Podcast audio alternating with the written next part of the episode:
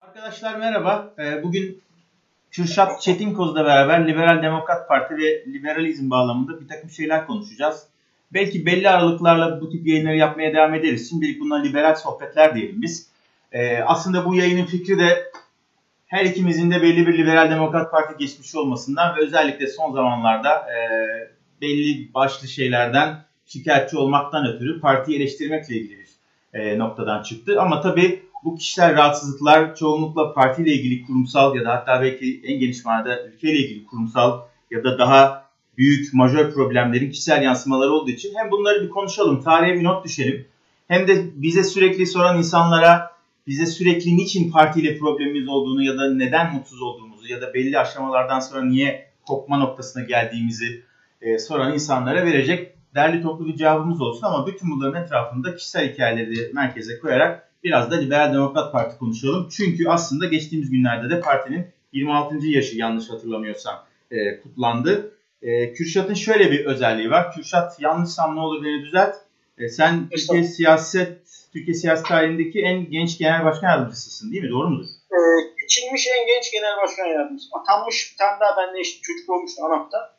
O atanmıştı. Ben seçilmiş en genç benim. Tamam. Seçilmişler her zaman atanmışların üzerindedir abi. Dolayısıyla yani, yani bu, bunun tabii bir yandan aslında şöyle bir kıymeti de yanı var. Yani bunun Liberal Demokrat Parti'ye hani kısmet olmuş olması diyelim. Liberal Demokrat Parti'de gerçekleşmiş olması da bir şey. Öncelikle abi şey çok Merhaba diyeyim öyle başlayalım abi. Sözünü keseceğim ama bu Cem Toker'in sayesinde olmuş bir şey. Ee, onun hikayesi de şöyle. Birazdan girelim ama. Tabii tabii. E, MKK'ya seçildik. MKK seçildikten sonra ilk MKK toplantısı yapılıyor ve genel başkan yardımcıları seçiliyor. Tanıtım işleri başkanıyım ben. Ee, o esnada birisine söyleyecek diye bekliyorum. Anlatıyor birisine. İşte şöyle yaptı, böyle yaptı. Allah Allah diyorum bunu yapan kimmiş ya? Hiç şey yapmadım. Bizden başkası da varmış bunları yapan falan diye. Derken beni öyle yani Cem Toker'in inisiyatifiyle olmuş bir şey. Ee, bunu e, ben de Türk siyasi Cem Toker'e. E, tamam çünkü yani her halükarda partiyi konuşacağımız zaman e, Cem Toker kuşkusuz önemli bir figür olduğu için hem partinin hem de Türk siyasetinin belli ölçülerde önemli bir figür olduğu için oradan konuşulacak. Özellikle de hani eleştireceğimiz veya mutsuz olduğumuzu söyleyeceğimiz çok şey olur. Çünkü belli bir de ortak noktamız var Toker bağlamında ama hani yiğidi vur hakkını ver temel bir prensip herhalde. Liberalizmin de çok temel prensiplerinden bir tanesi olmalı. Dolayısıyla... Yani şu var. Benim üzerimde çok emeği var. Ben onunla birlikte doğrudan çalışmaya başladığımda 22 yaşında falandım. Yani 21-22 yaşında, 21 yaşında doğrudan çalışmaya başladım. İşte bir 10 sene, 11 sene çok yakın çalıştık. Ee, benim abim yok. Ee, ama amcam, dayım var ama amcam dayımdan bir farkı yoktur. Bir abimden farkı yoktur. Benim üzerinde çok emeği olan. Zaten tartışmamızın e, çıkmasının temel sebebi de o. Ne o benden ne ben ondan beklemediğimiz bir şekilde bir e, clash olması. Ama oluyor hayat böyle bir şey. Oluyor oluyor. Peki yani hızlıca bir tok Toker girişi yaptık. Burada bir parantez olarak konuşalım sonra tekrar konuşuruz onu. Benim için de Cem Toker çok önemli. Benim Liberal Demokrat Parti'ye katılmamda aslında yani kendimi o kapıyı çalar bir vaziyette bulmamda aslında yani en önemli diyeceğim belki de tek önemli figür olabilir. Çünkü e, yani benden önceki pek çok insanın belki Besim Tibuk'la yaşadığı hatta Cem Toker'in Besim Tibuk'la yaşadığı bir hikayeyi ben Toker'le yaşamış oldum. Hani ben yani bu adamla veya bu bu düşünceyle, bu ifade biçimiyle hareket etmek, bir şeyler yapabileceksem siyaset yapmak isterim dedim. E, ben de çok şey öğrendim. Yani yayını ben izleyeceğini tahmin ediyorum. Bak burada şöyle söyleyeyim. Yani son zamanlarda birbirimizi hiç sevmiyoruz gibi ya da o beni çok sevmiyor gibi ama ben Toker'i hala çok severim. Çok iddialı bir laf. Hani çok Orta Doğu lafı gibi gelecek ama hani arasın bugün böbrek istesin böbrek verin. Ben hakikaten öyle seviyorum Toker'i. Yani insan olarak e, insanlık vasıfları bakımından hakikaten çok seviyorum ama hani tıpkı senin yaşadığın ben gibi. Ben de benim böbreğim işe yaramayabilir taşı.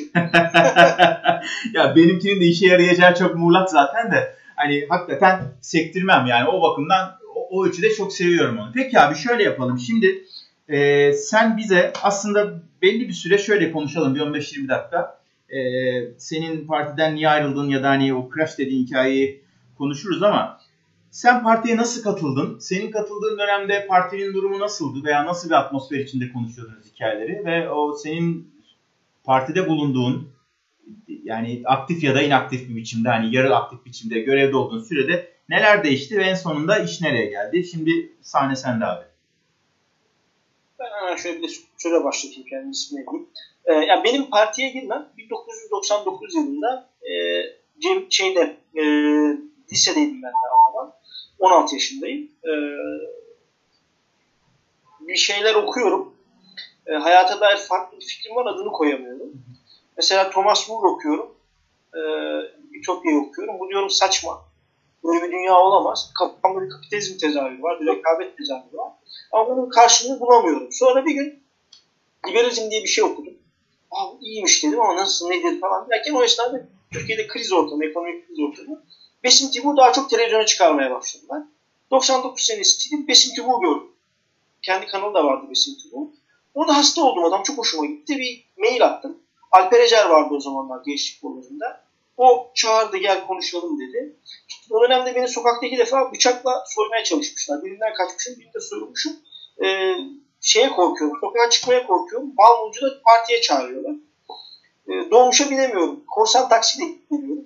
İnsanlar da böyle çok şey diye korsan taksiyle gidiyorum. Dolmuşa gelmiş gibi yapıyorum. Dönüşte dolmuşa nasıl gidiyorum bilmiyorum. Binemem zaten. Birine diyor ki ya biz o tarafa gidiyoruz arabayla gel seni bırakalım falan. Partiye öyle girdim. Gençlik kollarına girdim. Bakırköy'de Soner Tunceli vardı. Ee, işte, Soner Bastiat adıyla e, Twitter'da, sosyal medyada şey çok güzel yazar. Tabii çok büyük bir insan. E, benim aslında LDP'ye ısınmam Besim Tıbuk'la başladı ama Sonerlerle birlikte arttı. Ailem beni halı saha maçında zannediyordu Sonerlerle.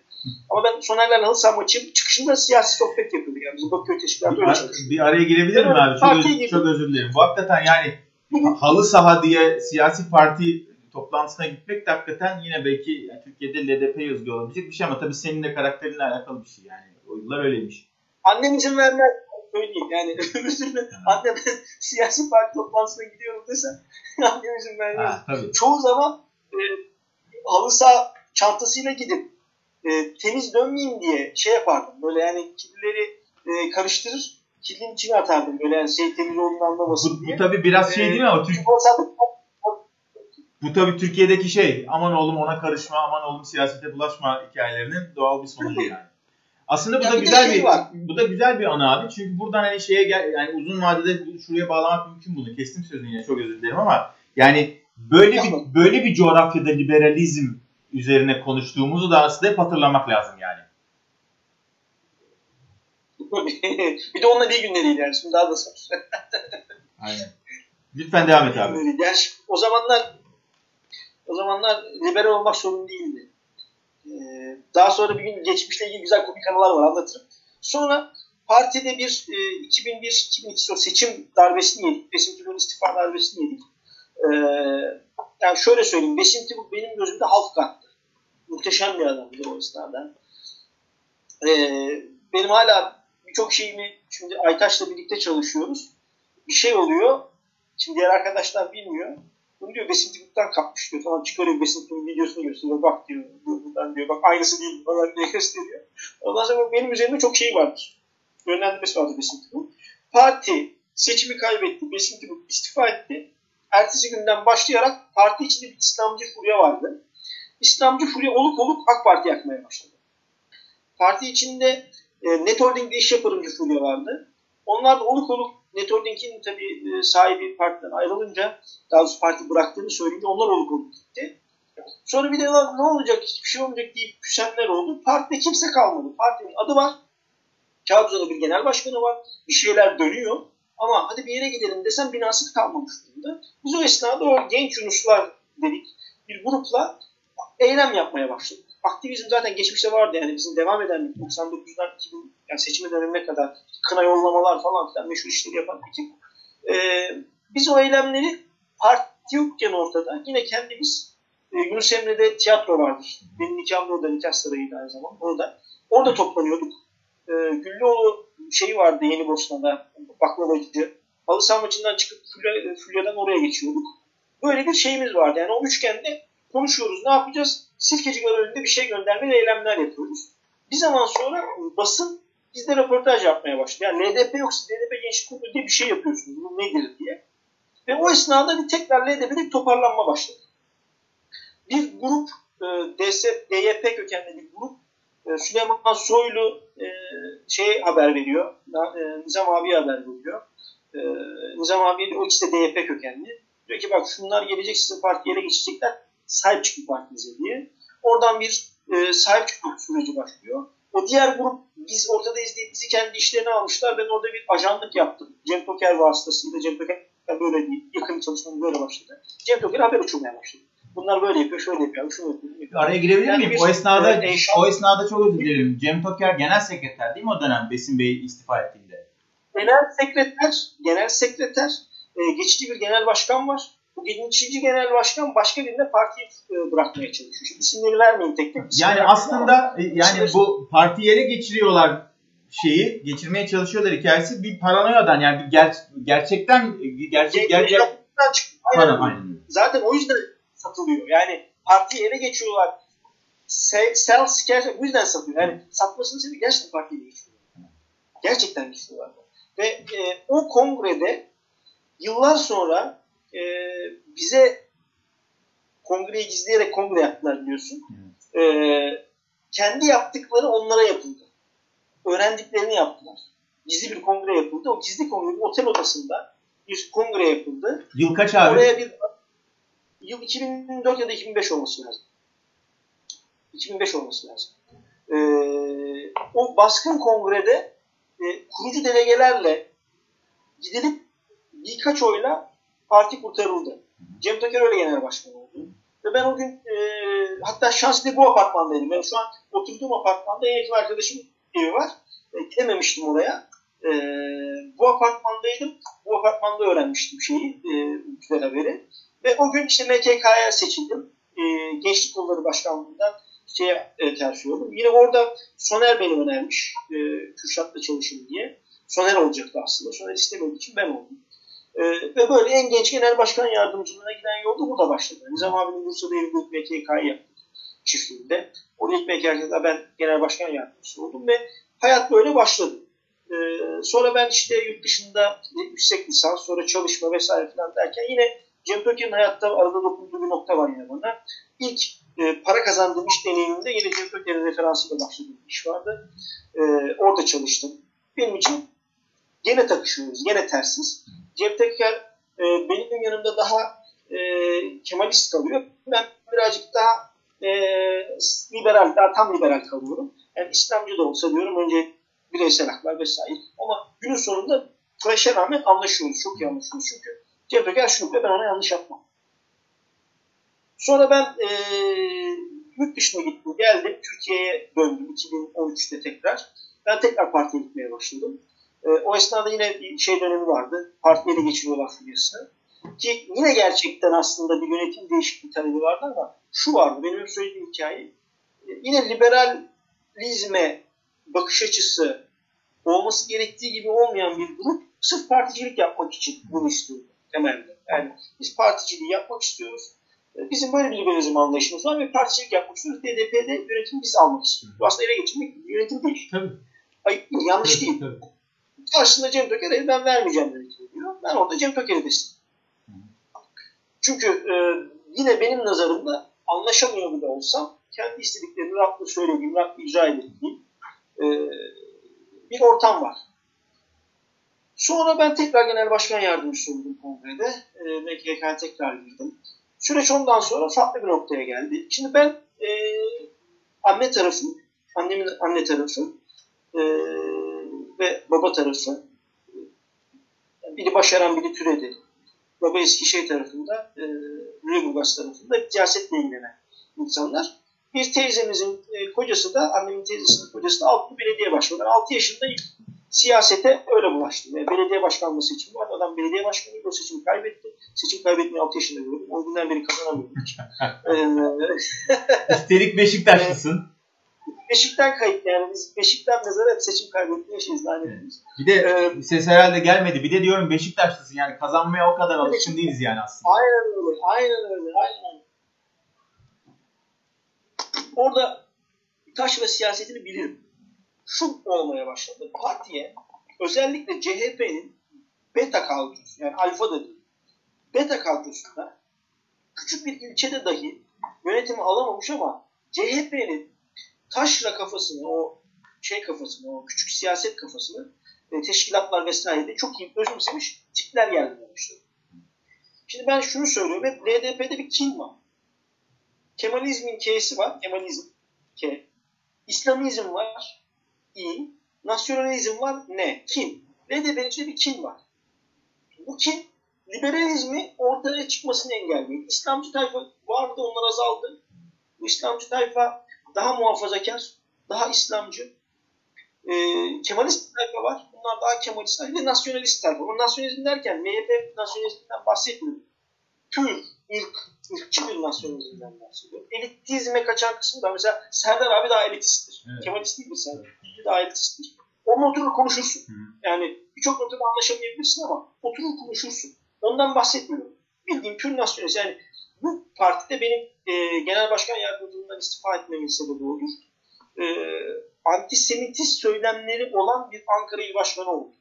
Ben de ben de aynı aynı abiyle diyelim e, çeşitli kavgalar etmiştim. Çünkü benim de bir azınlık kimliğim var. Bir azınlık etnistem var. Şimdi bu ar- arada bir tespit yapacağım. Şimdi aslında yine yani senin hikayen bağlamında ilerliyoruz. Oradan e, majör hikayeye doğru geliriz sohbet ilerledikçe ama buradan şunu anlıyorum. Yani aslında e, Besim Bey'in partiyi e, aniden bırakmasıyla ki yani aslında pek çok yani birkaç insan için bu çok ani bir bırakış değil. Yani onu bil, onu biliyoruz. Yani paylaştığını değil mi en azından ama partinin geri kalanları için e, birdenbire bıraktığını ki Toker de daha sonra aynısını yaptı. Hemen bir, bir tespit yapıp sana tekrar döneceğim. Çok özür dilerim. Unutmayın. Bir şey o bıraktığı günle ilgili ben o seçimlerde %15 alacağımıza kalbim. Hmm. Bırak bırakmayı. Hmm. Benim gibi böyle alt kadroda olup da e, %11 bırak bir %1 %15 alacağımıza kalbeniyorum. Nasıl %15 almalık? Bu 2002 seçimlerinden bahsediyoruz 3 Kasım. Tabii şimdi orada iki, iki, onunla ilgili iki şey söylemek isterim. Ben tabii benim hikayem 2014 sonu iki hatta 2015'te filan başlıyor LDP'de. Yani partinin o dönemiyle ilgili Besim Bey'in e, ve yani onun yakın çevresini diyebileceğim medya ilgisinden kaynaklı yani reytingin oya dönüşebileceğini düşünmesiyle ilgili bir e, yanılsaması olmuş. Aslında orada placebo söyle bir şey bir şey yaşanmış. E, fakat tabii bir de şöyle bir şey var. Yani 2002'de 2002 Türkiye için çok önemli. Yani bundan 50 sene sonra, 100 sene sonra Türkiye'nin daha geniş bir tarihi anlatıldığında 2001 ve 2002 çok uzun anlatmak gerekecek. Çünkü orada siyasetin rengi, siyasetin yapılış biçimi, aktörler her şey çok değiştiği için belki yani %15'ine çok gerçekçi beklenti olmayabilir ama belki %3, %4 alabilecek bir partiyken Liberal Demokrat Parti AKP'nin yarattığı fırtına dolayısıyla ve e, Cem Uzan da söz konusu mesela aynı dönem. Dolayısıyla e, bir yokuş aşağı gidiş başlamış ama orada mesela bir %3-4 alınsa bugün başka bir şeyden bahsedebilirdi. Benim söyleyeceğim şey şuydu. Senin anlattığından çıkardığın bir şey yani partiyle ilgilenecek, ilgilenen arkadaşlar için bir çıkarım bu. E, özellikle Besim Bey'in bırakmasından sonra zaten herhalde ilk dönemde de çok kuvvetli bir teşkilatlanmadan bahsedemiyoruz. Fakat teşkilatlardan da bazı insanlar çekilince Türk siyasetindeki diğer partilerdeki ifadeyi yanlış anlamasın izleyen arkadaşlarımız. Hani artıklar başka yerlerde kendilerine çok yer bulamamış teşkilatçılar diyelim. LDP'yi doluştular ve bugün aslında bunu hala görüyoruz bazı teşkilatlarda. Galiba. Net budur. Net budur. Şu an LDP'nin en büyük sorunu bir ideoloji partisi. Yani LDP ne liberal, ne demokrat, ne parti.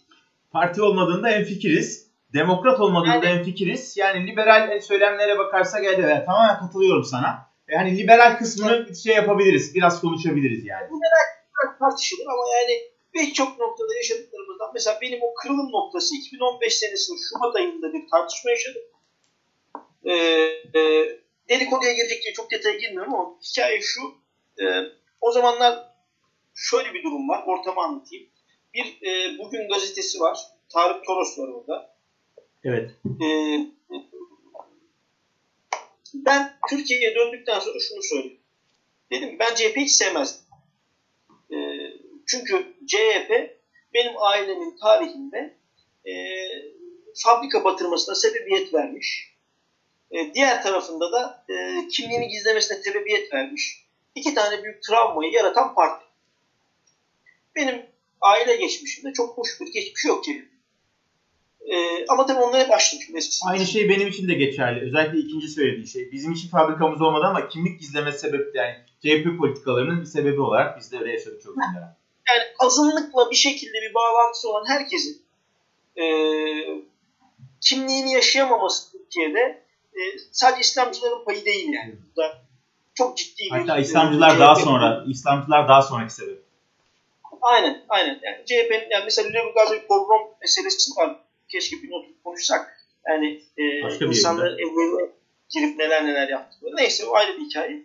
Şimdi e, ben şunu söyledim. Dedim ki Türkiye'de şimdi ben dine Müslüman bir insan. E, mezhepsizim. Ama siyasete geldiği zaman ben pragmatist bir insan.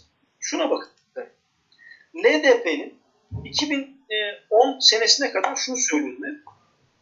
AK Parti'ye muhalif duralım ama AK Parti kimliğiyle eleştirmeyelim. Yani Cem Toker'in en çok eleştirdiği nokta oydu. Mesela ittifak konuşuluyor. Sağ, işte bu sağ, e, AK Parti'nin B takımıyla mı ittifak yapacağız? Mesela ben onun yanlış olduğunu söylüyorum. Yani AK Parti İslamist bir parti değildi. AK Parti Almanya'daki bu Hristiyan demokratların, Avrupa'daki Hristiyan demokratların, muhafazakar demokrat diyebileceğimiz Türkiye versiyonu partiydi. AK Parti ne zaman ki FETÖ ile bir tartışmaya girdi, FETÖ onların daha şey kısmı yoktu. Hiçbir şey ama evet. ekran yüzüne çıkıp konuşacak eleman buralarda sıkıntıları vardı. FETÖ bu kısım, konudaki insan kaynağını sağlıyor. Yani lobi gücü yoktu. Lobi yapmayı bilmiyorlardı ve FETÖ denilen yapı gelip tamamen o halkla ilişkiler kısmını ele aldı diyelim. Aynen ya mesela şöyle söyleyeceğim. Bir daire başkanı atayacaksın. O dairede adamın yok. Dönüp bakıyorsun. Namaz kılan kim var? Şey de bu ha. Kafada bu. Namaz kılan bunlar bunu yapalım. Yani kafada buydu. Ben de şunu diyordum. Ya bu adamların kaliteli müttefik ihtiyacı var. Biz eleştirelim ama çok şeylerine basmayalım. E, tercih, inanışlarıyla, işte tercihleriyle ilgili konularda çok müdahale olmayalım. E, neticede liberalizme aykırı olmayacak şekilde başörtüsü benim sorunum değil. Başörtünü zorluyorsa benim sorunum. Yoksa başörtülü bir cumhurbaşkanı eşin olması benim sorunum değil. Bunları anlatmaya çalışıyorum. İlk kavramımız bu noktada. Sonrasında şöyle bir şeyimiz vardı. E, ideolojik anlamda anlaşamadığımız nokta vardı. Şunu diyordum. Eğer biz ittifak yapmazsak AK Parti ile başka birileri yapacak ve AK Parti şu anda Türkiye genelinde baktığı zaman iktidarını en azından 10 sene kaybetmeyecek şekilde görünüyor. Bizim istemediğimiz noktaya gidecek. Mesela haklı olduğumu şimdi görüyorum. Şurada görüyorum. İşte ne oldu? Doğu Perinçek'le ittifak yaparlar. Ne oldu? Devlet Bahçeli, bir kilit açtı. Devlet Bahçeli ittifak yapar bir hale geldi. Daha milliyetçi bir AK Parti görüyoruz. Yine hala yeterince İslamiyet şey kapılmasın kimse. Ayasofya onu takılmasın. İslamcılıktan çok milliyetçilik var şu anda. Aslında sorun yaşadığımız nokta milliyetçilik. Bu, bu, İslam... bu çok özür dilerim. Bu yapısal tartışma 2015, 2014, 2015 yıllarında oluyor değil mi? Orada artık o başladı. Yani artık ittifak. Ben şunu söylüyordum. Ya Kürt sağı diye bir gerçek var. AK Parti ile arası açılıyor. Bu Kürt sağına yanaşalım. Biliyorsun Bitlis'te şey seçti bir tane. Evet. E, belediyemiz oldu. Evet. Bu bir fırsattır. O kimlik üzerinden Kürt sahile gidelim, aşiretlerle mi konuşmamız Konuşalım. Dengin'le Mehmet Fırat'la konuşalım. Ondan sonra Diyarbakır milletvekili vardı, adamın adını unuttum. Neyse, onunla konuşalım. Ama e, bu insanlar HDP ile ittifak yaptığında da çaresiz olduğu için yapıyor.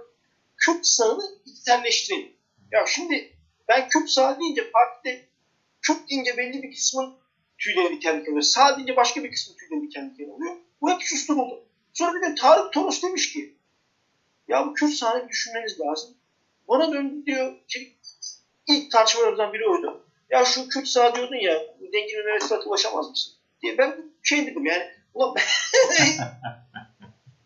ilk senedir kendimi parçalıyorum. Bu adamlara gidelim. Yani Tarık Toros deyince mi değere bindi? Kendi değerini sorgulamaya başlıyorsun. Bir anda bu var. Demek ki ben öyle konuşuyormuş. İkincisi e, Rasim Ozan o zamanlar aramız daha da iyi. Şimdi çok konuşmuyoruz. O şeyimiz kalmadı. Çok muhabbetimiz kalmadı ama Rasim 2014 senesinde benimle bir haber yolladı.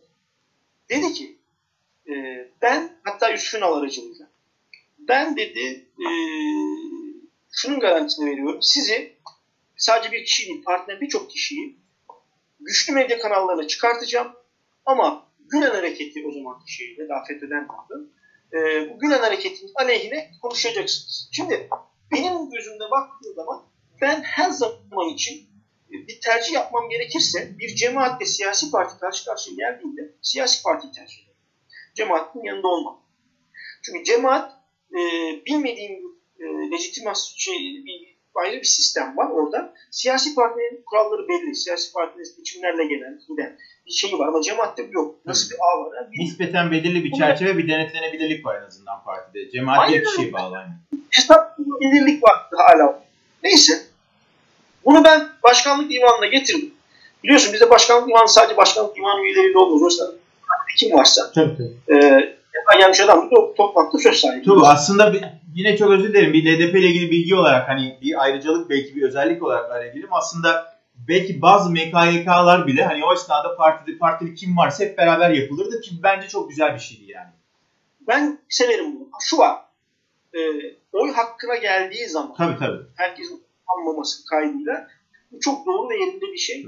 E, güzel bir kültür. Yani bunu çoğu yerde yaşayamazsın. Demokratlığın aslında az yaşandı, az da olsa yaşandı yani. Ama şu oluyor, bazen bir konu var tartışıyorsun. E, o esnada olup olmaması gereken adam Tabii. çok internet bir konu konuşabiliyor. Bunun gibi sıkıntı oluyor. Bu konu öyle değil. Ya bir tek Serdar abiyle ben dedik ki yani biz affedersiniz ama bir siyasi parti cemaate tercih ederiz. Yani siyasi parti daha da. Geri kalan kimse şey yapmadı. Ee, herkes dedi ki olmaz dedi biz AK Parti'yi daha çok sevmiyoruz. Tamam ben saygılıyorum. Ee, ertesi gün Zaman Gazetesi çıktı. Manşet ahlaksız teklif. Abi adam gitmiş. Off the record söylenen bir şeyde. Ee, bize Rasim'den ahlaksız teklif geldi reddettik diye Zaman Gazetesi'ne. Yani benim orada düşündüğüm durumu düşün yani. İlk oradan bir silleydim. Hoş bir şey değil. Yani bu şekilde bir de reddettiğini bu şekilde söylemek de hoş bir şey. Ve araya gireceğim bir de yine bir de yani reddettiğin şeyi nerede reddettiğin ya şekilden daha önemli olabilir. Yani bunu o, o zaman gidip Zaman Gazetesi'ne söylemek başka bir şey ifade ediyor çünkü. Şimdi bir böyle başladı. İkinci böyle partiye birileri geliyor. Şimdi Cem Toker'in şeyi başladı. Yani güç Bizans insanı değiştiriyor. Ee, çok içinden çocuk başkanım başkanım başkanım diyen adamlara ekstra değer verme dönemi başladı. Hiçbir şey yapmıyor adam. Ne derse onu yapıyor sadece. Yani hiçbir şey yapmıyor. Yani, kuklanın bir de bazen şey jestleri vardır. Yani e, kontrol edemediğin hareket. Bu öyle değil. Cem Toker ne çok güzel yapıyor. Ve yanlış bir şey olduğunu düşünmüyor bile zaten. Ama düşünürsen Cem Toker'e söyledi. En mutlu adamlar onlar olmaya başladı. Birkaç tane böyle adamla sorun yaşadık. Sonra yine e, başka bir parti kökenli bir arkadaşla e, bir tartışma yaşadık. O benim Rasim'in arkadaşı olmama takmıştı. E, ben de onun e, ayrıldığı siyasi partinin seçimleriyle ilgili yorum yapmasının doğru olmadığını. Bir tartışma yaşadık orada. E, nahoş bazı şeyler oldu. Dedim, sizi men ediyorum. Yani ben böyle şey yapamazsınız. Ben de böyle konuşamazsınız. Cem Toker orada. Zannettim ki girecek ve dedik ki bir dakika sen hayırdır yani böyle konuşamazsın. Bu kişinin partinin eskisi şeyi ne yapmaman lazım. Bir baktım Cem Toker hiçbir şey demiyor. Ben de dedim demek ki ben Cem Toker için hiçbir Birkaç yani bu Tarık Toros meselesini yaşadık şey yaşadık. Ve şunu geldi. Şimdi 2014 belediye başkanlığı seçiminde İstanbul'da e, ilçe meclisi e, pusulasında e, LDP olan tek ilçe Bakırköy'dü. Ben Bakırköy Belediye Başkanı değildim. Ve orada ilçe meclis adaylarına kadar ayarlamıştım. Tek ilçe. Dedim ki ben tamam ben, ben şunu görmek istiyorum. Değer verildiğini görmek istiyorum. Yani ben 16 yaşında girmişim partiye o esnada 30 yaşındayım. Hayatımın yarısı partinin içinde geçmiş. Ee, bana değer verildiğini görmek istiyorum. Tam da doğum günümü söyledim 18 Şubat. Ben dedim İstanbul 3. bölge 1. sırada olmak Bu aslında seçilmeyeceksin yani. Tabii yani. Şey. Hayır, tabii, aynen öyle. Değer verildiğini görmek istiyorsun. Bana Adana birinci sıra söylendi. Benim işim Adana. Ben değil. Ee, dedim ki hayır. Ben İstanbul 3. bölgede oturuyorum. İstanbul 3. bölge 1. sıra istiyorum. Çünkü arkadaşlarım dalga konusu. 62 oy almışım Bakırköy seçimlerinde. İş yerime geliyorum 62 tane tavşan yapıyorum.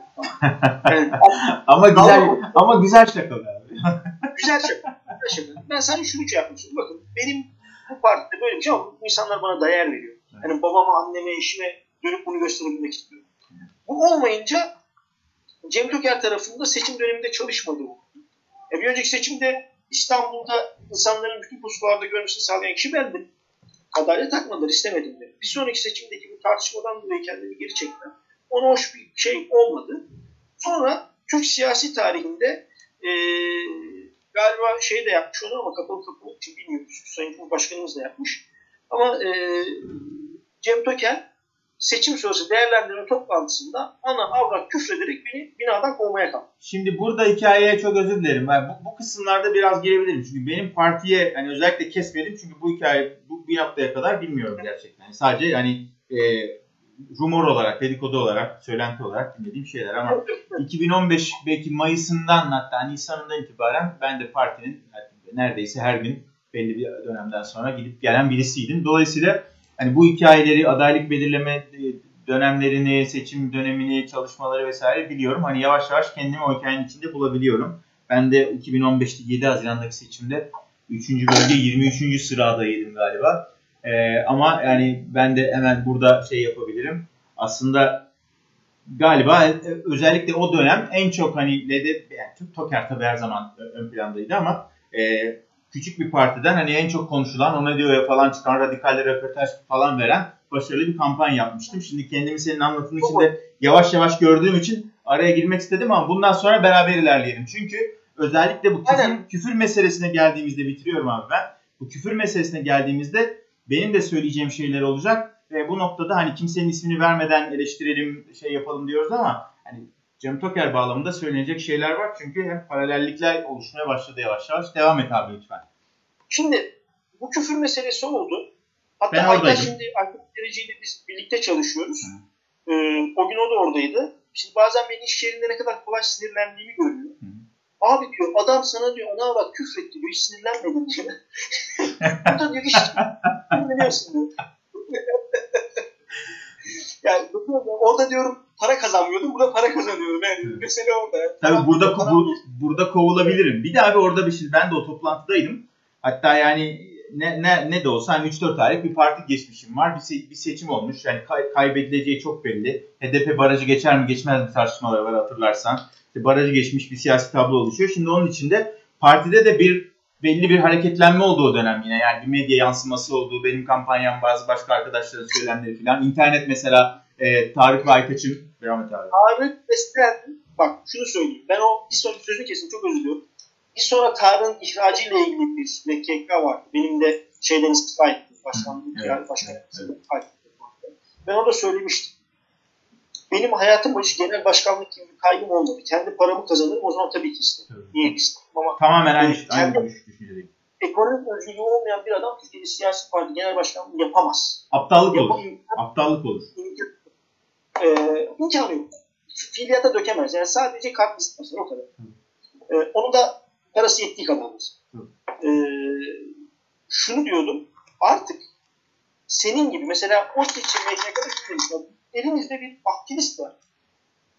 Ağzı laf yapıyor. Presentable. Basını karşısına aldığı zaman kemküm demiyor. Böyle durmuyor. Televizyona çıktığı zaman ya da basında röportaj rahat konuşuyor. Bu adamı insan haklarından sorumlu genel başkan yardımcılığı diye bir şey yapalım. Hemen bugün yapalım burada.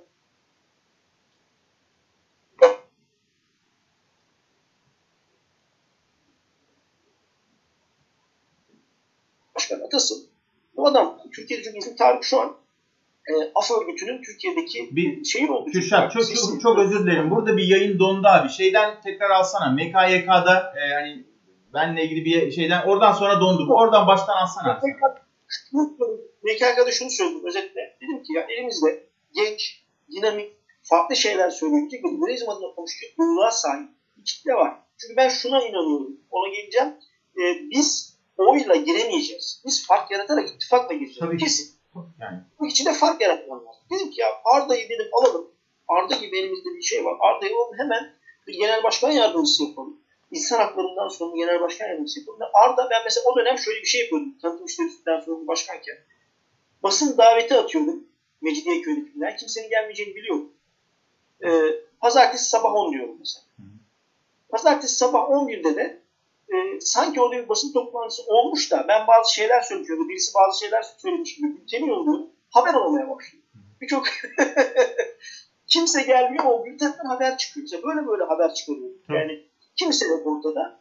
Hiçbir şey yok ama oradan bir haber çıkıyor. Dedim bu çocukla ilgili böyle bültenler yayınlarız. Kendisi aktivizm yapar, kendisi bir ekip kurar, kendisi şey yapar. O esnada sosyal medyamız güldür güldür. Arkadaşlar falan çok ciddi işler Efsane dönem ya. E, o dönem O dönem biz o rüzgarı arkamıza doğru alabilseydik yani Tarık Toros ne demişe bakmasın. İşte efendim söyleyeyim Ekrem Dumanlı'nın yeğenini milletvekili adayı yapmak için uğraşmasın. Kalkıp da ittifakımızı ideolojilerle yapsaydık. Yani cemaatlerle değil de ideolojik olarak liberalizm konusunda şu liberal papalığı bırakıp o liberal değil bu liberal itici oluyorsun. Yani kalkıp birisi kim liberal olmadığına karar verecek şekilde konuştuğu zaman hı hı. itici oluyor. Onun yerine kucaklayıcı yani Türk halkı kucaklanmayı seviyor. Heh. Yani Ekrem İmamoğlu ne yaptı? Kucaklayacağım dedi. İstanbul'da işte. Türk halkı iten adamı sevmiyor. Erdoğan'ın sebebi de o. Kucaklayan Erdoğan iten Erdoğan. Şimdi bunu yapsaydık o dönem e, benim zaten kopmamda artık şey olmuştu bir mesafede kopmaya başlamıştı. En son işte e, küfür meselesinden sonra önce küfür etmedim dendi. Sonra kendi odamda küfür ettim dendi. Sonra şey sorulunca yani affedersiniz ama orası onun orası değil. Genel başkan orası. Genel başkanın na ayrılmış. İstanbul İl Merkezi'nde genel başkan ayrılmış bir orada. Cem Toker'in orası değil orası. Ve hiçbir genel başkan dünyanın hiçbir yerinde seçilmiş bir genel başkan yardımcısına e, ana avrat küfür edemez. Odasında da gelir. Kendi evinde etsin. Değil. Ee, sonra özür dilendi, dilenmedi. Bir ayrım süreci yaşadık. Üzerine e, Ankara e, e, Başkanı o dönemki antisemit paylaşımlar yapan bir insana il başkanlığı atamayla verildi. E, buna karşı çıktım. Yani benim nazarımda birçok şeye hoşgörü, ifadeye sonsuz hoşgörü. En radikalinde. Hatta evet antisemit ifadeye de hoşgörü. Ama şu açıdan yani kalk adam e, ırkçı olabilir. Irkçı konuşacak ki ben onun ırkçı olduğunu bileyim. Ve onu kalkıp il başkanı yapmayayım. O yüzden ifadeye sahip var. Konuşsun ki ırkçı olur ama ırkçı olduğu ortada bir adam. Yahudilerden bu kadar sistematik bir şekilde nefret eden bir adam. Her şeyin suçlusunu Yahudilerden eden bir adam. Ee, kalkıp da sen başkentin il başkanı yaparsan yarın öbür gün Allah korusun e, iktidar bir şey gelirsin. Bunu çıkarırlar karşına. Ve Şimdi, Avrupa'da istedikleri yapamazsın. Şimdi aynı e, yani bahsettiğim yine isim vermeden tabii bilenler, tanıyanlar e, anlayacaklar hemen. Yine belli ölçülerde tabii Twitter diye bir şey bir balon var hayatımızda. Orada kontakla. Aynı bütün bu saydığım insanlarla da belli ölçüde temastayız zaten ama yani buraya gelmeden önce yine bir adım geri gideceğim. Çünkü küfür bak çok önemli bir konu. Şimdi bence hani hem ifade özgürlüğü ama bir yandan da hani partinin karakterinin oluşması ve bugün dışarıya yansıması bağlamında üzerinde durulması gereken konulardan bir tanesi. Çünkü cımbızla seçiyorum bir yandan da benim aslında partiden kopuşuma e, yani partinin e, diyelim ki salonunda olmamamın sebeplerinden bir tanesi. E, fakat ondan da önce şunu söylemek istiyorum. Bütün anlattığın şeylerin temelinde abi yani bu yayının tamamını kesintisiz izleyecek, ilgili izleyecek arkadaşlar için bence önemli bir çıkarım bu. Başından beri Kürşat'ın anlattığı şeylerde e, sorun noktalarında tam da merkezde bu teşkilatlanılamadığı için bir türlü ya da hani doğru insanların partinin içine girmesine, partiye kanalize olmasına, partide sorumluluk almasına bir şekilde, şimdi onu ayrıca tartışacağız ama bir şekilde izin verilmediği için teşkilatlarda sorumluluk alabilecek, teşkilat kurabilecek, o bütün o evrak işlerini yapabilecek insanların e, daha yine incitici olmadan konuşmaya çalışacağım. Daha az kalifiye, hani daha sokaktan insanlar olması dolayısıyla partinin yaşadığı bir kimlik sorunu aslında. Özünde bugün hala bundan bahsediyoruz. Aynen öyle. Aynen öyle. Yani şu var mesela e, satış çok önemlidir bir şirket için. Para satıştan geliyor. Ben satışçıyım. Ama birçok insan o yüzden satışı hep öne koyar. Ama aslında önemli olan daha çok para kazanmak için pazarlamadır. Neden? Senin o sattığın şeyin fiyatını aslında ederini pazarlama verirler. Onun ona yarattığı değer belirler. Ee, sadece fiyat anlamında değil, daha çok satılması, daha iyi satılması, marka değeri belirler. Şimdi teşkilatı kalkıp mesela en büyük hata şuydu Cem Toker tarafından yapılan. Herkes teşkilatlanmayla ilgilenecek. Hayır. Beni teşkilat şimdi tarlanı şimdi Cem Toker şey Besikti bu şeyi e, örnekler veriyor. Tarla sürersin. Elinde bir e, doblo varsa mal taşıyabilirsin. Mal taşımasına kullanabilirsin. Elinde binek araç varsa yolcu taşırsın. Ama ben hem dobloyla hem işte binek araçla kalkacağım, tarla süreceğim dersen daha sonra o Doblo'yla hiçbir şey yapamazsın abi. Daha sonra o arabayla yolcu taşıyamazsın. Ya da traktörle yolcu taşıyacağım. Çünkü traktör çok iyi tarlaya sürdü derse de o da olmaz. Yani teşkilatlanmaya o kadar bir önem verildi ki. Önemli miydi? Önemliydi ama o adamı sen teşkilatlanmada tut. Mesela çok güzel bir bak şunu söyleyeceğim. Aklı olan parti varsa Ahmet Tezel de gitsin seçim işleri başkanı yaptı. Yani NDP'yi seçime sokmuş bir adam Türkiye'de doğru kullanılırsa iktidar getirir. Yani Ahmet Tezel'in o dönemki disiplini, o dönemki muhteşem yönetimi, e, her seçimde en layıklı, en doğru şekilde seçime sokması. Mesela Ahmet Tezel'in en büyük başarısı şu biliniyordu. Bir dakika abi seçim işleri ise Cem Toker'de susam Ahmet, Ahmet Tezel.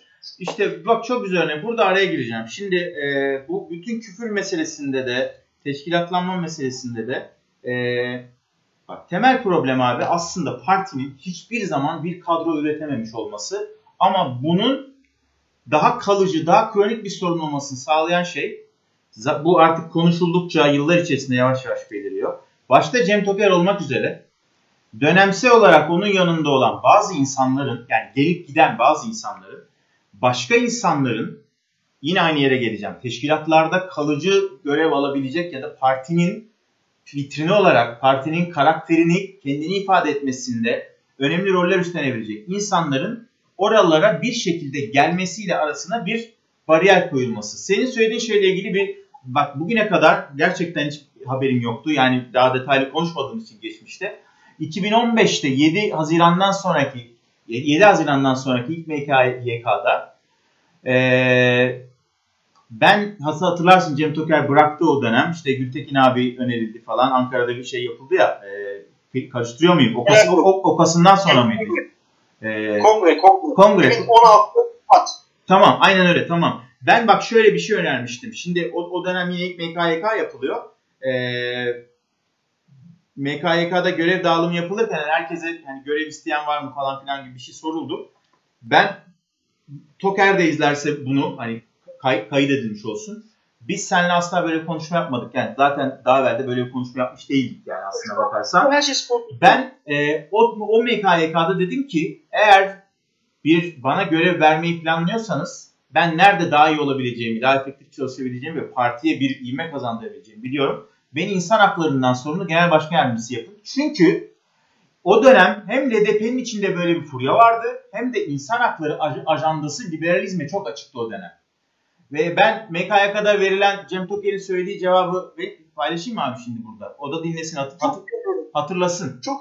Bence herkes teşkilatlanmaya çalışmalı. Bizim böyle bir genel başkan yardımcısına ihtiyacımız yok dedi o dönem. Şimdi ben bunu ilk defa söylüyorum. Bak şimdi burayı kesip şey yaparız yani. Spotu yaparız. Çünkü yani bu, bu pik noktası. Bu, bu görüşmenin asıl şeyi bu yani. Aklın yolu bir abi. Aklın yolu bir. Şimdi bunu bir not edelim. Şimdi yavaş yavaş toparlayalım. Belli ki bunu devam ettirmek lazım.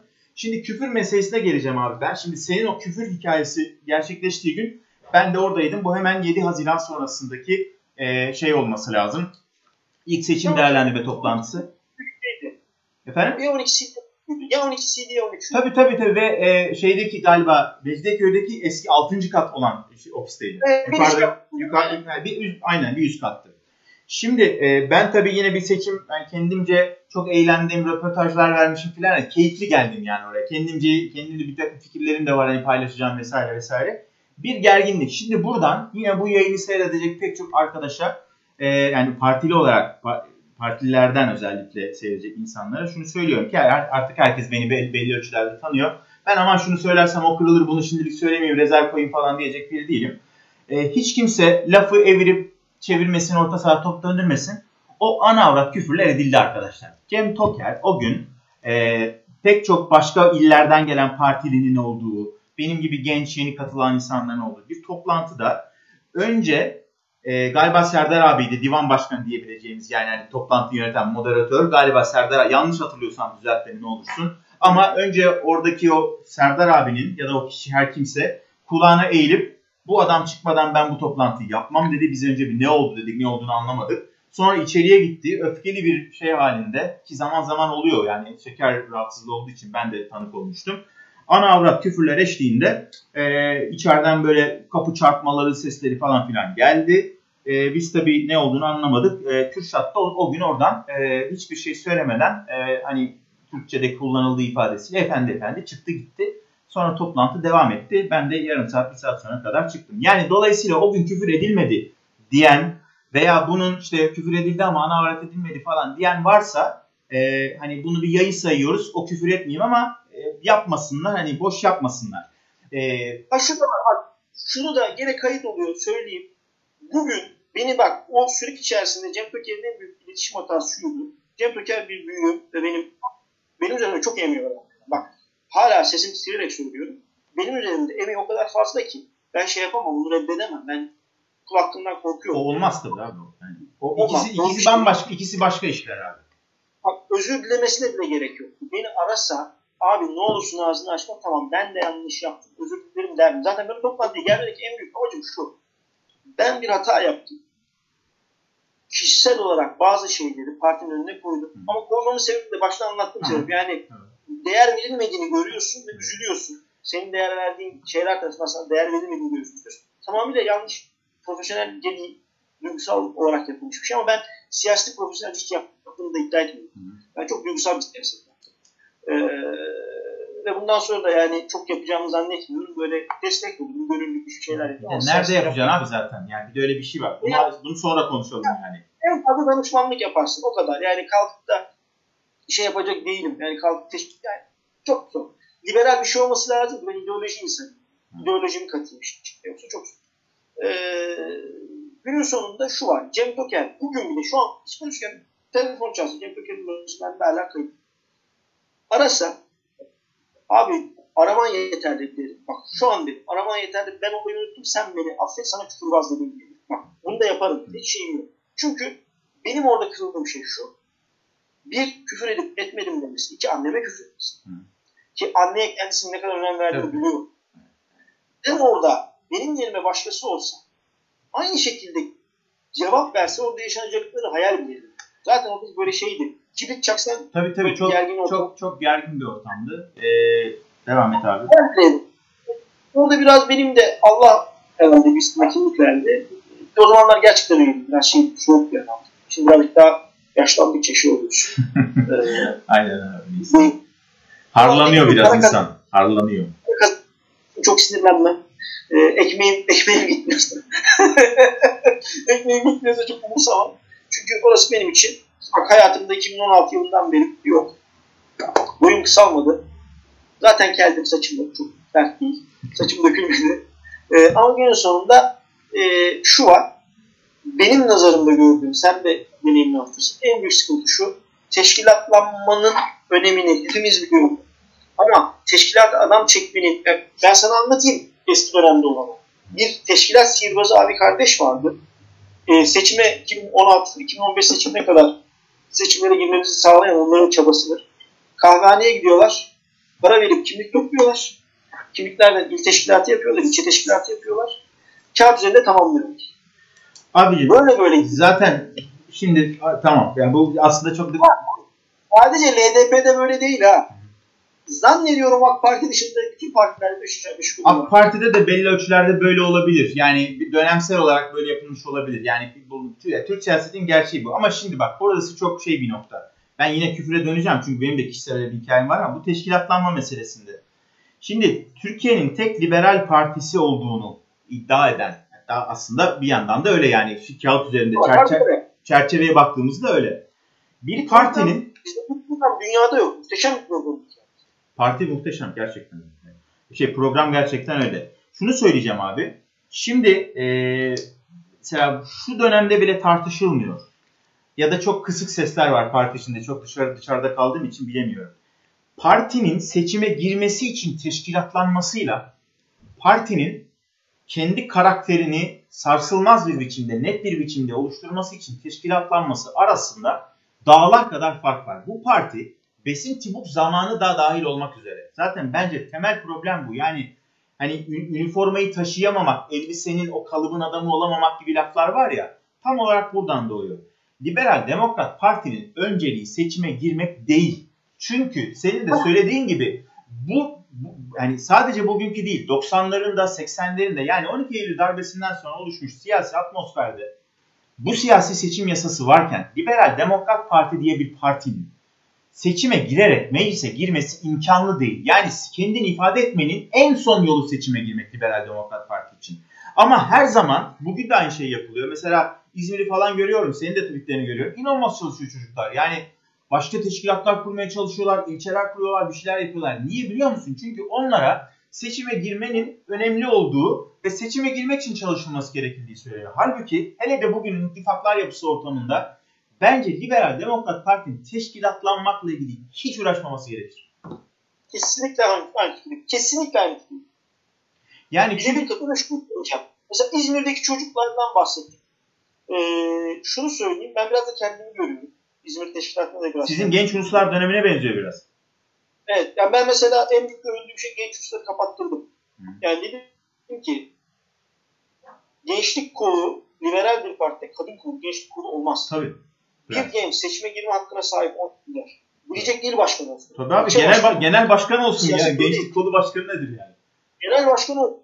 Aynen öyle. Çünkü Liberal Demokrat Parti'nin seçime girmesine girmeye ihtiyacı yok. Liberal Demokrat Parti ittifak sistemiyle şu an.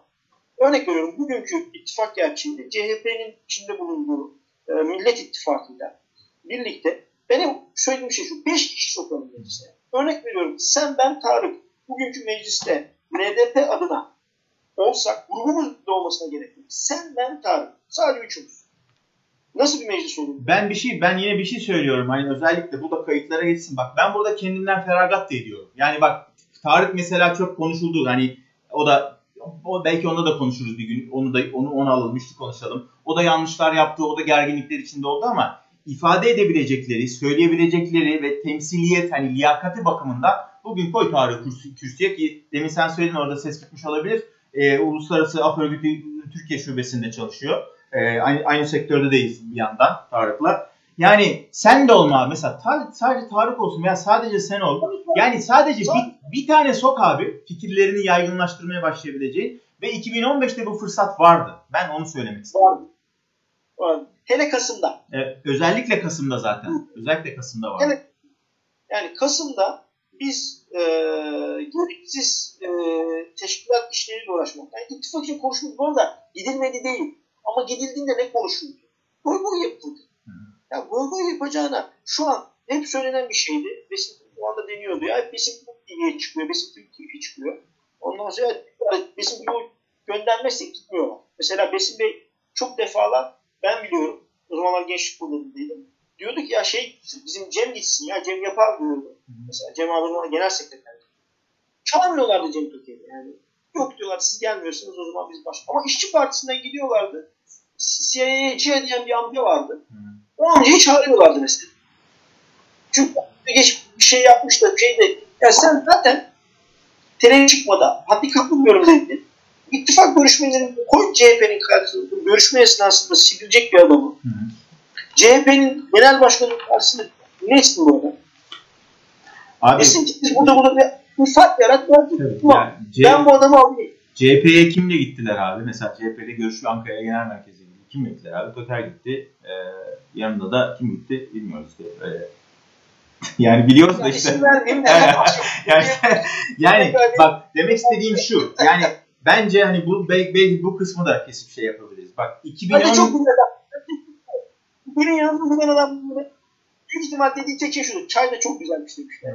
Bilmiyorum. Abi işte ben bak yine aklın yolu bir abi. Yani işte oraya oraya gelmeye çalışacağım. Bak e, özellikle 2015'ini 2010, 2014 sonları 2015'in tamamını sayalım. Yani sen o kavga diyelim o tartışmayla partiden de facto kopmuş olsan bile hala çemberin içindesin. Tarık yine o dönem mesela tartışılan hani yergi geçenlerden bir tanesi.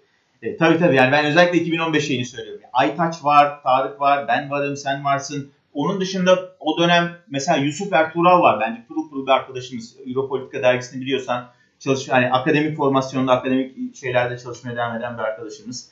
Yani aslında böyle bir görüşmeye gidildiğinde partinin ya bunlar kafası çalışan çocuklar bak bunlarla bir şey yapmak lazım fikrini oluşturacak çok insanı varken her yere abi e, belli başlı insanlarla gidildi. Onları da eleştirmiyorum aslında yani bir şey yapmıyorum ama başka tercih yapılabilirdi. Ve bir şey söyleyeceğim abi artık bu hani istersen bu seferlik yavaş yavaş bitirelim sonra devam ederiz. Belli belli ki daha çok konuşmak lazım.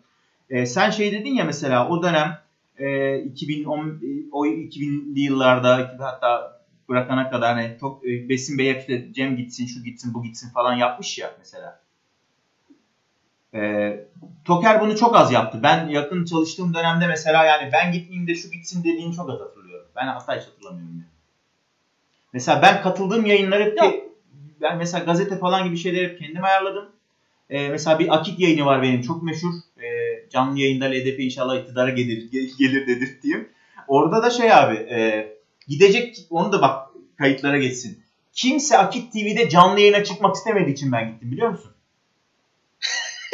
Şimdi ayrılmıyor canlı yayında. o, o, o gün yani Cem Bey o gün başka bir şey başka bir yayındaydı. Yani herhalde o giderdi zaten e, şey olmasaydı. E, onun dışında parti içinde bir konuşuldu. Cem Bey dışında Akit TV'de e, öyle bir canlı yayın riskini alacak başka kimse olmadığı için ben gittim. İyi ki de gitmişim abi. İyi ki de gitmişsin. Ya şu kapatmadan şunu diyeceğim. LDP'nin şu an mevcut halinde gördüğüm şeyleri söyleyeyim. Ya burada kimseyi de eleştirmiyorum. Ben sadece bir sohbet, siyaset so- sohbet ediyoruz abi ya. Siyaset bilimci olarak söylüyorum. Ee, üzerine iletişimciyim aynı zamanda. Ee, ve siyaset iletişim konusunda tecrübeli bir insan olduğunu düşünüyorum. LDP'nin şu andaki sıkıntısı bu seçime girme hastalığından kurtulmak. Bir. Kendine yüzler yaratmalı. Sosyal medya şu an o kadar müsait ki. Yani şu an sosyal medyada sivilmiş tiplere bakıyorsun. İsim vermeyeceğim bir tane ekonomi profesörü var. Teneke. Ting ting ting ses çıkar. Birazcık şey yaptım adam herkese blokluyor falan. O adam özgürlüğü savunuyor şu an internette. Twitter ortamı. Şimdi böyle bir ortamda sen LDP'de çok altın bir kadro oluşturup bu insanları parlatabileceğin bir ortam var. Sosyal medya ortamı var. Bu insanlarla bir fark yaratabileceğin bir ortam var. Ve şunu söyleyeyim. Bir sonraki seçimde şu an bile geç kalınmıştı. Şu anda bile bir dönüşüme girildiği zaman bir sonraki seçimde CHP zaten buna bakacak. Yani diyecek ki ben e, nasıl BDP şeyden AK Parti'den bir tane vekil soktu. Ben de kendi canımdan kimi taşıma bakacağım. Ama CHP'nin hele hele eski CHP e, bir değişik kopyası olan Cem Toker'le bunu yapamayız. Bu... Gültekin abi çok seviyorum ama Gültekin abi de yani Gültekin abi benim babamın hemşerisi ve adaşım. Ee, babam benim Sakarya'da geçmiş küçüktü. Ben de Sakarya Belediyesi'nin hep partide. Orada Sakarya Belediyesi oldum. Ee, Gültekin abi de o. Yani bizim genç, kendi işini kurmuş, kendi işinde gücünde, kendi ticaretini yapabilen, kendisi ayakta durabilen, ekonomik olarak genel başkanlığın altında ezilmeyecek, e, net holdingden maaş alması gerekmeyecek e, bir genel başkan ve birlikte çalışabileceği, asıl önceliği liberalizmin temel değerleri olan ekonomik ve e, bireysel özgürlükler olan bir ekip kuracak. Ve ekonomik ve bireysel özgürlükler olan piyasada çıkıp konuşabilecek ve toplumdaki kilit insanları dokunabilecek bir kadroyla burada 3-4 kişiyi meclise sokarak bizim iktidar olmamızın hiçbir faydası yok. Bizim fikrimiz iktidar olsun. Evet. Çünkü Devam. çünkü şu an Türkiye'nin ihtiyacı olan o. Ekonomik ve bireysel özgürlükler. Ayasofya örneği mesela, şu an Ayasofya konuşuluyor. Çok güzel bir şey. Örnek yani, Ayasofya o yüzden söylüyorum. Yani Türkiye'nin sonu bu değil diyoruz ya mesela. Ayasofya'da cami mi olmuş, müze mi olmuş. Sen gündem belirlediğin zaman Ayasofya tartışılmayacak işte. Sen gündem belirlemeye başladığın zaman, mesela şu an hala şeyi bile, dün senle konuşmuştuk bile, tabii senle konuştuk. Hala e, geri al geri al meselesi evet. bile gündemi Erdoğan belirliyor. Evet, Muhalefetin evet. sloganları yeter mesela muhteşem bir slogan evet. ama Erdoğan der. Şimdi geri al da büyük ihtimal sen dedin. Doğru sen dedin. Geri al da büyük ihtimal slogan olarak konuşuyor. Onu da Erdoğan vermiş. Yani gündem yaratabilecek dolulukta bir kitle yok bizim cenah. Muhalif cenah. O yüzden muhalefeti hep eleştiriyor. Şöyle tartıştığımız, Orkun abiyle tartıştığımız nokta o. Tabii muhalefete eleştiriyor. Ben kaleciyim. Futbol oynuyorum. Kaleciyim ben. Gerçi şu an göbekten Benim hayatım defansa kızarak geçiyor. Anladın mı? Benim Çok... derdim defansa kızmak. Şimdi bu... Kartları niye güzel vuruyorsun diye kızamam ki. Bu abi bu şimdi peki şimdilik böyle bitirelim o zaman. Ee, ben kişisel şeyi çünkü çok uzar daha sonra konuşuruz ama bu niye e, yani kendimle ilgili o paranteze seni de katarak anladığım kadarıyla konuşabilirim. Niye partiyi bu kadar çok eleştiriyoruz hikayesi üzerinden, e, sorusu üzerinden bir hikaye bir de bir tespit yapacağım. Ondan sonra yavaş yavaş toparlayalım abi. Şimdi birincisi şu. Ben elbette partimi eleştireceğim. Yani herkes sever Sırı Sırrıya Önder'i e, Türk siyaset tarihi. En azından renkli bir karakter olarak hani anlı, hikaye, hikaye anlatıcısı olarak. Yani siyasete bambaşka bir dil getirdi. Türkiye'de çok alışkın olmadığımız ama çok istediğimiz aslında. istediğimiz anladığımız bir dil getirdi. Şöyle söylüyordu. Hatırlarsan İstanbul Büyükşehir Belediyesi Başkanı adayı olduğu dönemde Kadir Topbaş'a değil de sürekli Mustafa Sarıgül'e çakıyordu. Ama yani sürekli Mustafa Sarıgül'e çakıyordu ve hani insanların gözünde ki ben de kendimi öyle değerlendiriyordum o zaman. Yani o, o, o sınıftaydım, o çemberdeydim diyelim. Eğer HDP CHP'yi biraz destekleseydi bu seçimde olduğu gibi CHP'nin Mustafa Sarıgül'le seçimi kazanma şansı vardı ama Sıra Süreyya'nın hem bir yaklaşımı hem konuşumu, konuşmaları, kampanyası. Neyse girmeyelim oraya. Şöyle bir şey söyledi abi. E, Sky Türkiye'niydi galiba ya da Haber Türkiye'ni olabilir. Ya mübarek dediler niye sürekli CHP'yi eleştiriyorsun? Çok güzel cevap verdi. Çünkü en çok ondan muradım vardır. Doğru mu abi? Be, yani be, benim kendimi benim kendimi ifade edebileceğim başka bir siyasi parti yok. Ben geçenlerde parti arkadaşlara da söyledim. Bakın ben bu artık bunu böyle billboard reklam kampanyası gibi oldu. Ben devaya davet edildim gidemem. Yani ben orada siyaset yapamam abi. Yani siyaset yapmak istemiyorum ayrı. Ama yani ben kendimi siyasal İslamcı parti içinde o partinin milletvekili adayı bilmem nesi olarak mümkün değil göremiyorum yani. E, benim siyaset yapabileceğim tek yer Liberal Demokrat Parti. Ha, konjüktür değişir, Liberal Demokrat Parti adına girerim bir şey olur. Hani bunlar tartışılır ama o fikri savunamam. Öyle mi? Savunmayacağım bir fikrin temsilcisi olarak da görünmemem gerekir prensip olarak. Eğer bir başka bir formül, ittifak, bir anlaşma vesaire bir şey yoksa. Ya arkadaşlara diyorum ki ya yani Böyle yaparak benim kendimi siyasi olarak ifade etme şansı elimden alıyorsunuz. Çünkü belli ki benim başka bir mecram yok ve siz de orada bir iktidar, bir el kurmuş durumdasınız aslında. Diyorum ki benim bir sıkıntım var gel bunları konuşalım. Yani aynı noktaya geliyorum seninle. Yani bana değer verdiğini bileyim. Çünkü benim seninle ilgili şikayetlerimi hiç ciddiye almıyorsun. Ama ben sana kızdığım zaman reaktif biçimde sen bana bunu nasıl söylersin diyorsun. Lan oğlum ben nasıl siyaset yapacağım? Ben seninle nasıl iletişim kurabilirim? Bir ikincisi de şu, geçenlerde bunu yazdım. Ee, bununla bitirelim istersen. Bugünlerde biliyorsun bir Deva Partisi. Sa- saate bakıyor musun bu esnada ne kadar olmuş? Ben de baktım ama. Hiç bakmadım ya. Ya bir saati biraz geçtik. Bir saati biraz geçtik. Toparlayalım yavaş yavaş. Geçenlerde de şeyi söyledim. Ee, yani bu da aslında partinin şu andaki durumunu ve dışarıya hem kendi içinde hem dışarıya nasıl bir iletişim kurduğunu çok iyi anlatan bir örnek. Şimdi İnsanlar Deva Partisi'ne liberal diyorlar. Deva'nın böyle bir şey söylediği yok. Bu da bizim arkadaşlar. Deva Aynen. Ben de hiç, Deva bir konjüktürel parti değil sen. Ya abi Deva bir konjüktürel parti. Yani tıpkı AKP nasıl kurulduysa öyle bir parti Deva Partisi. Ya hatta AKP'nin değilim Deva'ya ama ha? liberal değil. Değil değil. Yani Onun neyse onu ayrıca konuşuruz ama zaten kendisi Ke, tamam o başka bir şey. E, bizim bizim partinin içinde de o zaman e, İslamcılar var, şurada. O bizim parti İslamcı yapmıyor. Değil mi? Demokrasi var, İslamcısı var, milliyetçisi var, hepsi var. Dolayısıyla e, şimdi bizim arkadaşlar da hani ya insanlar bak yine liberalizmi bizde, bizde değil de Deva Partisi'de konuşmaya başladılar. Onlar liberalizmin e, yaldızlarını alıyorlar, pastasını yiyorlar falan gibi bir şey oldu ve sürekli saldırıyorlar Deva Partisi'ne. Rahatsız biçimde ifade ediyorlar Gerek. kendilerini. Gerek yok. Yani ben başka bir şeye geleceğim. Yani bizim konuştuğumuz temelde bir şeye geleceğim. Şimdi orada en çok eleştirilen şeylerden bir tanesi şu ya Ali Bey'e, Ali Babacan Beyefendi'ye karşı. Şimdi diyorlar ki sen bütün bu şikayetleri gördün o tarihte, 2007'de gördün. Niye 2019'da istifa ediyorsun? Adam da bir cevap veriyor haklı olarak. E, ben bunları parti içinde söylemeyi denedim. Baktım ki şey yapmıyorlar, e, yani ciddiye alınmıyor. E, ben de değer görmediğimi hissediyorum falan filan. Bir süre sabrettim ondan sonra koptum diyor. Ben partiyi ne zaman eleştirsem abi bana özelden ya da açıktan mentionlayarak filan partiyi açıktan eleştirme, zarar veriyorsun falan demeye başladılar insanlar. Ya hatta bir şey söyleyeyim mi? Bana şey diyorlar abi. Davaya zarar veriyorsun diye ama oğlum ne davası lan? Liberalizmde dava olmaz. Dava nedir? Aynen öyle. Ve yani e, şuraya gelmeye çalışıyorum. Bak aynı durumdayım yani. Aslında Liberal Demokrat Parti'nin Ali, Baba, Ali Babacan durumundayım. İçeride söylüyorum. Cevap vermiyorsunuz.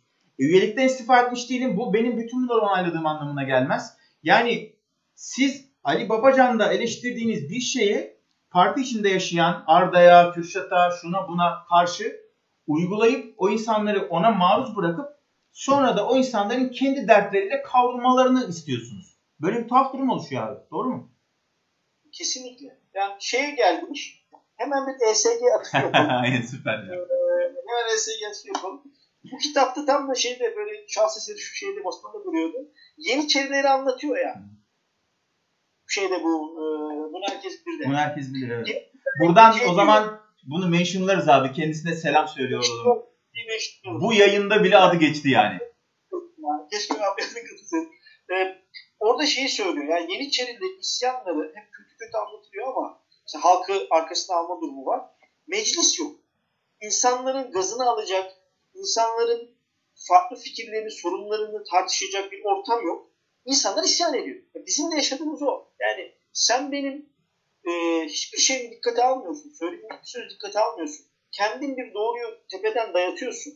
Hele hele liberalizmi sindirmiş insanlara bunu yapıyorsun. Yani particilik değil. İçeride particiler var, liberaller var. Ben partici değilim. Hayatım boyunca partici olamam. Çünkü kafa yapım çok Ama bunu yapıyorsun. Sonra da diyorsun ki vay efendim davaya ihanet ettin. Ne davası? benim davam benim abi. Bireycilik. Aynen benim başka davam yok. Benim davam şu. Akşam eve geldiğimde çocuğum benden bir şey istediğinde ben bunu yapabiliyorum. Benim canım bir şey çektiğinde ben bunu yapabiliyor muyum? Benim canım bir şey söylemek istediğinde ben bunu söyleyebiliyorum. Bunu yaptığım yer benim için vatandır, benim için değerli yerdir. Bunu yapamadığım yer parti ise benim partim olamıyor. Vatansa benim vatanım olamıyor. Yabancılaşıyorum kendimden o. Davam benim budur. Kendimi kurtarma davası, hayat davası. Başka hiçbir davam yok. Yoksa e, dini sattın, vatanı sattın, milleti sattın. Satmadım ama ben hiçbir şey. Para, yani karşına para almadım. Bir şey yapmadım. Ben kendi fikrimi özgürce söylemek istiyorum. Bunu yaparken de şunu da biliyorum. Ya yani ben en çok eleştirdiğim nokta o. Hani bir Tayyipçi mayipçi diyorlar ya. Abi Ayrıca olabilirsin de abi yani. Hayır ne değilim ama yani. Evet. Olsam söyleyeyim. Olsam keşke olsam da Şimdi e, birincisi kardeşim Türkiye'nin şöyle geneline baktığımız zaman, şöyle genel olarak şeyine baktığımız zaman Türkiye'de ne Cem Toker, ne Kemal Kılıçdaroğlu, ne efendim diğer siyasi parti liderleri e, Erdoğan'dan bir farklı. Neden yok? İşte gördük CHP kongresi. Neden yok? İşte gördük 2016 HDP kongresi. Bunları görüyoruz. Bunları yaşıyoruz. O yüzden kimse kimseyi kandırmasın. Gücü eline alan Türkiye'de Erdoğan'ın şu an yaşadığı zehirlenmeyi yaşayacak. O yüzden işte bazı kısıtlamalar getirilmesi gerekiyor. O yüzden Cem Toker'in 3. dönemi Cem Toker'e karşı yapılmış en büyük zarar, en büyük zehirlenme. O yüzden siyasi partilerde işte siyasi partiler kanununda değişiklik yapılması gerekiyordur. Amerikan Başkanı şimdi çok uzaktık ama son bir şey söyleyeyim. Ee, Obama'nın veda konuşmasını hatırlıyorsunuz. Ben bir dönem daha yapmak istiyorum ama yapamam. Yapsam çok iyi yaparım onu biliyorum ama yapamam. Çünkü diyor Allah bunlar başlayacak. Ve bunu yaptı Etiyopya'da. Yani. Etiyopya Kenya'da. Evet. Çünkü kendi evet. köklerinin olduğu yer. Ve şey söylemişti ya bazı insanların neden çok uzun süre orada kalmak istediklerini bir türlü anlayamıyorum demişti hatırlarsın. Aynen, aynen, aynen, aynen. Yani bu hikaye bu. Genel başkanlığı öyle bir noktaya getirmemiz lazım ki insanlar şunu demesi lazım. Şu sıra bana mı geldi? Bu işte egonun, işte başkanım, başkanım, başkanım, başkanım. Yani ne başkan Allah Muhammed için. Ya bir de hani Türkiye'de herkes başkan al işte ben de dernek başkanıyım. Sen de bir şey, sen de bir departman başkanısın. Herkes bir şey abi yani.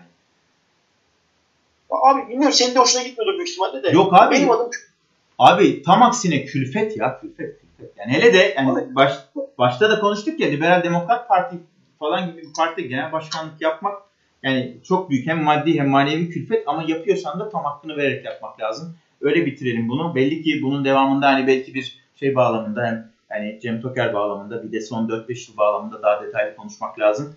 İstersen zaman zaman şunu da yapalım çözüm önerelim. Tabii tabii yani, tabii tabii. tabii. Bir de muhalefetin yapmadığı bir şey yapalım.